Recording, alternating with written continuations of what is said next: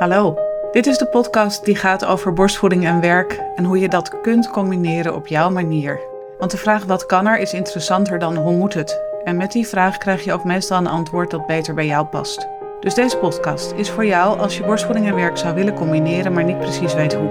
Zodat jij jouw leven met jouw kind of kinderen wat dit betreft je eigen vorm kunt geven.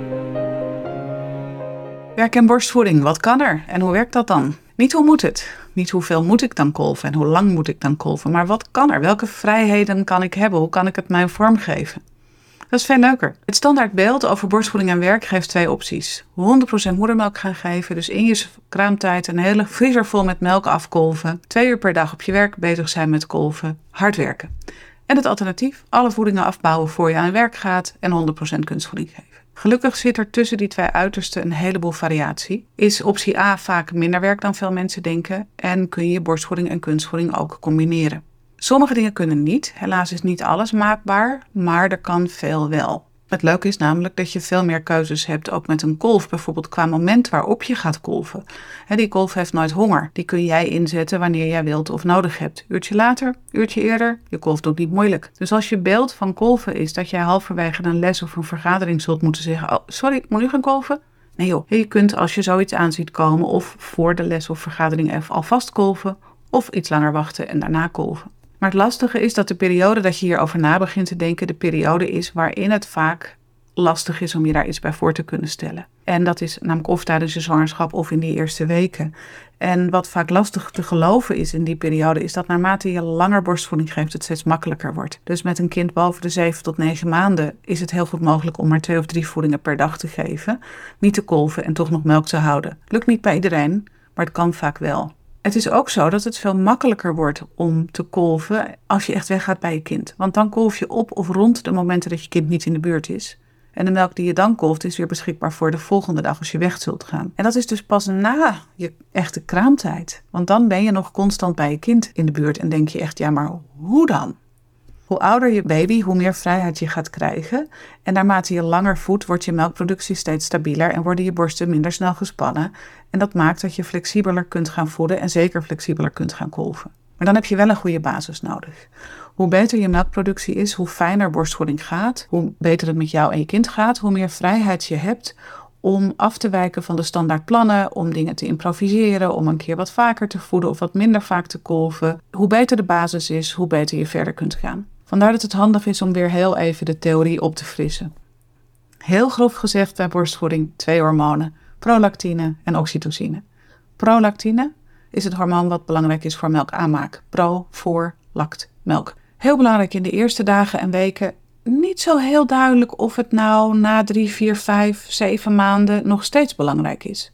Wat we wel weten is dat hoe uitbundiger je prolactine stimuleert in de eerste dagen en weken na de geboorte, hoe stabieler melkproductie op lange termijn is. En we weten ook dat je bij elk volgend kind makkelijker meer melk maakt, waarschijnlijk omdat je lichaam de prolactine die bij een volgend kind weer vrijkomt beter kan gebruiken. Prolactine is niet zo heel erg stressgevoelig. Het klopt dat bij stress je productie kan afnemen, maar om dat op prolactine te hebben moet je denken aan levensbedreigende stress. Dus heel ernstig ziek, een ongeluk, een aardbeving, een bominslag, dat soort stress. De gewone dagelijkse stress van ruzie met je vent, moe zijn, uh, opzien tegen werk, dat heeft op melkproductie niet direct effect waarschijnlijk. Omdat borstvoeding geen rocket science is met harde feiten. Denken dat het vooral oxytocine is, wat zo gevoelig is voor stress. Oxytocine is het hormoon waardoor melk gaat stromen. En zonder oxytocine komt melk niet uit een borst. Want dat zou betekenen, als een kind of een kolf alleen aan de borst zou zuigen en daarmee de melk eruit zou moeten trekken, dan zou er achter in die borst een vacuüm ontstaan. We hebben geen lucht inlaten hoog in onze borst. Dat betekent dat baby gewoon een melk niet uit zou krijgen. Rond de melkkliertjes zitten een soort kleine spiertjes en als een baby gaat drinken, dan trekken die samen en dan worden die melkkliertjes bijna als sponsjes uitgewrongen en stroomt de melk letterlijk naar je kind toe. Dat bespaart een baby een hoop werk. Zonder een toeschietreflex krijgt de kolf er überhaupt niks uit. En oxytocine is heel erg stressgevoelig. Dus alle stress, oppervlakkige stress, zo simpel als je adem inhouden, je ongelukkig voelen zitten, je shirt onder je kin klemmen, kan al maken dat melk minder hard stroomt. Dat betekent dat je dus niet kolft wat je hebt, maar kolft wat je laat stromen voor die kolf. het klinkt het grappigst in het Engels: a pump just sucks. Een baby is leuker. Een kind masseert met de kaken, masseert met de tong, zuigt en is schattig. Makkelijker om daar een melkstroom voor te krijgen. Op basis hiervan kun je dus bedenken dat je om productie goed te krijgen in die eerste dagen en weken het beste zo goed mogelijk kan gaan voeden, zo uitbundig mogelijk. En dat je tijdens kolven en voeden zo lekker mogelijk kunt gaan zitten. En als je dat combineert, heb je eigenlijk het beste uitgangspunt.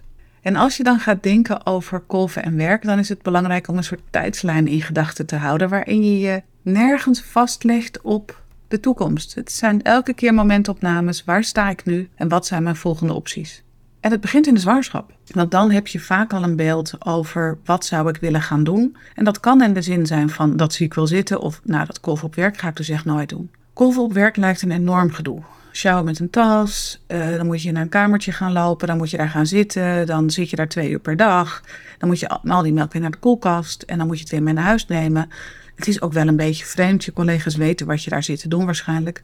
In de praktijk zou je er ook anders naar kunnen kijken. Als je omdenkt, betekent kolven op je werk dat je twee à drie keer per dag een korte pauze hebt, waarin je even kunt ontspannen en ademhalen. Een soort powernap. Want onder invloed van oxytocine ontspan je. Dus het vraagt ontspanning om vrij te komen. Maar het effect is ook dat je nog verder ontspant. Dus een kolfmoment is even een moment om onderuit te zakken, adem te halen en even uit te rusten. Een soort powernap. En powernaps zijn bewezen dat die productiviteit ten goede komen, zeker als je moe bent en met een jonge baby. Let's face it, je bent moe. Bovendien zijn borstgevoede kinderen echt vaak minder vaak en minder ernstig ziek. Dus je hebt grote kans dat jij en je partner, als je een partner hebt, minder ziekteverzuim hoeven op te nemen dankzij jouw golfactiviteiten. En dat helpt ook. En met een beetje mooie tas hoeft het niet eens op te vallen wat je gaat doen. Kortom, als je dacht dat golfen op je werk niets voor jou zou zijn of heel erg zwaar, dan zou het mee kunnen vallen. Hou je opties even open. Als je al zeker weet in je zwangerschap dat je wil gaan kolven op je werk, dan is het slim om alvast eens in zo'n kolfruimte te neuzen en te kijken hoe dat op jouw werk geregeld is. In de eerste dagen en weken na de bevalling hoef je eigenlijk nog niet te focussen op werk. Alsjeblieft, stel het even uit.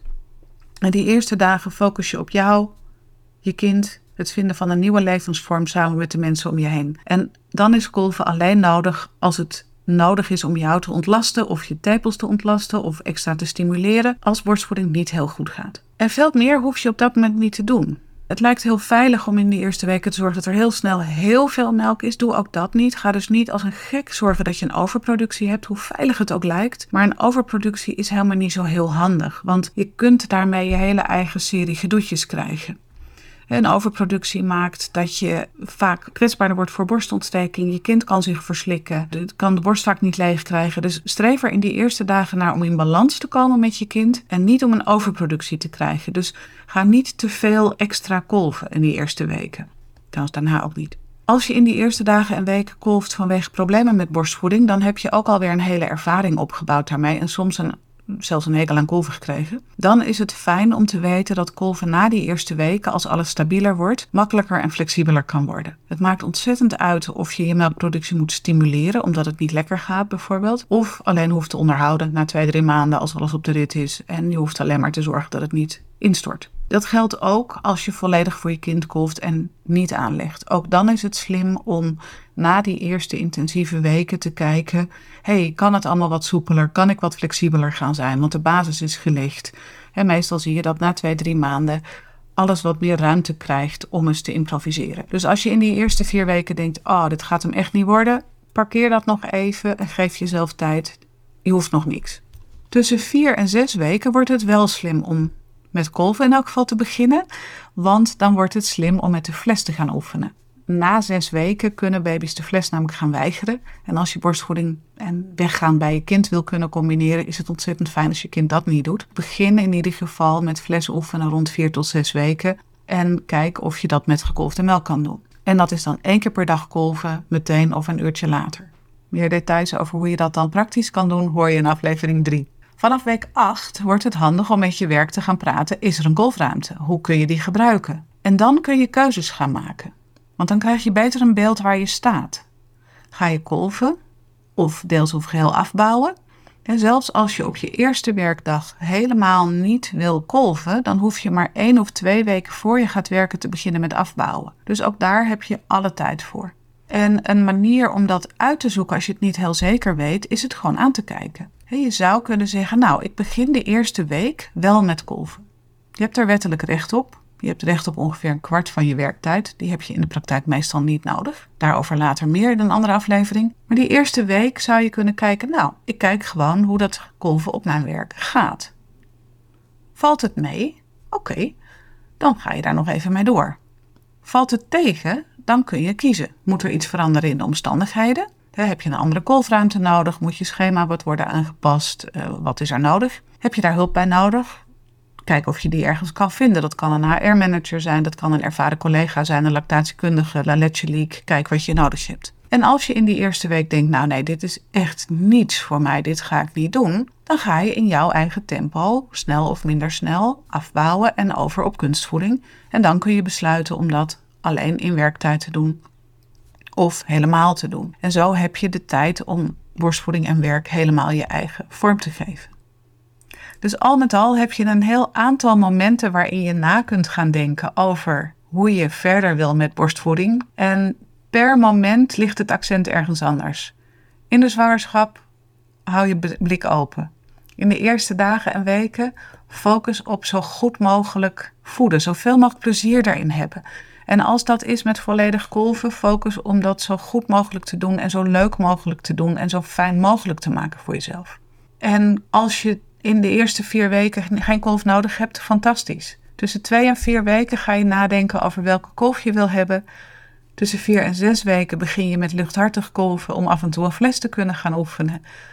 Tussen 8 en 12 weken ga je een keer denken: hé, hey, hoe wil ik dat eigenlijk met mijn werk gaan doen? En in de eerste weken op je werk kun je verkennen hoe je dat daadwerkelijk gaat doen. En als je verlof langer is, kun je dit natuurlijk allemaal met het benodigde aantal weken opschuiven. Het belangrijkste is, zorg voor een goede basis en wees eigenwijs en ga verkennen wat er kan, want dat is het leukst.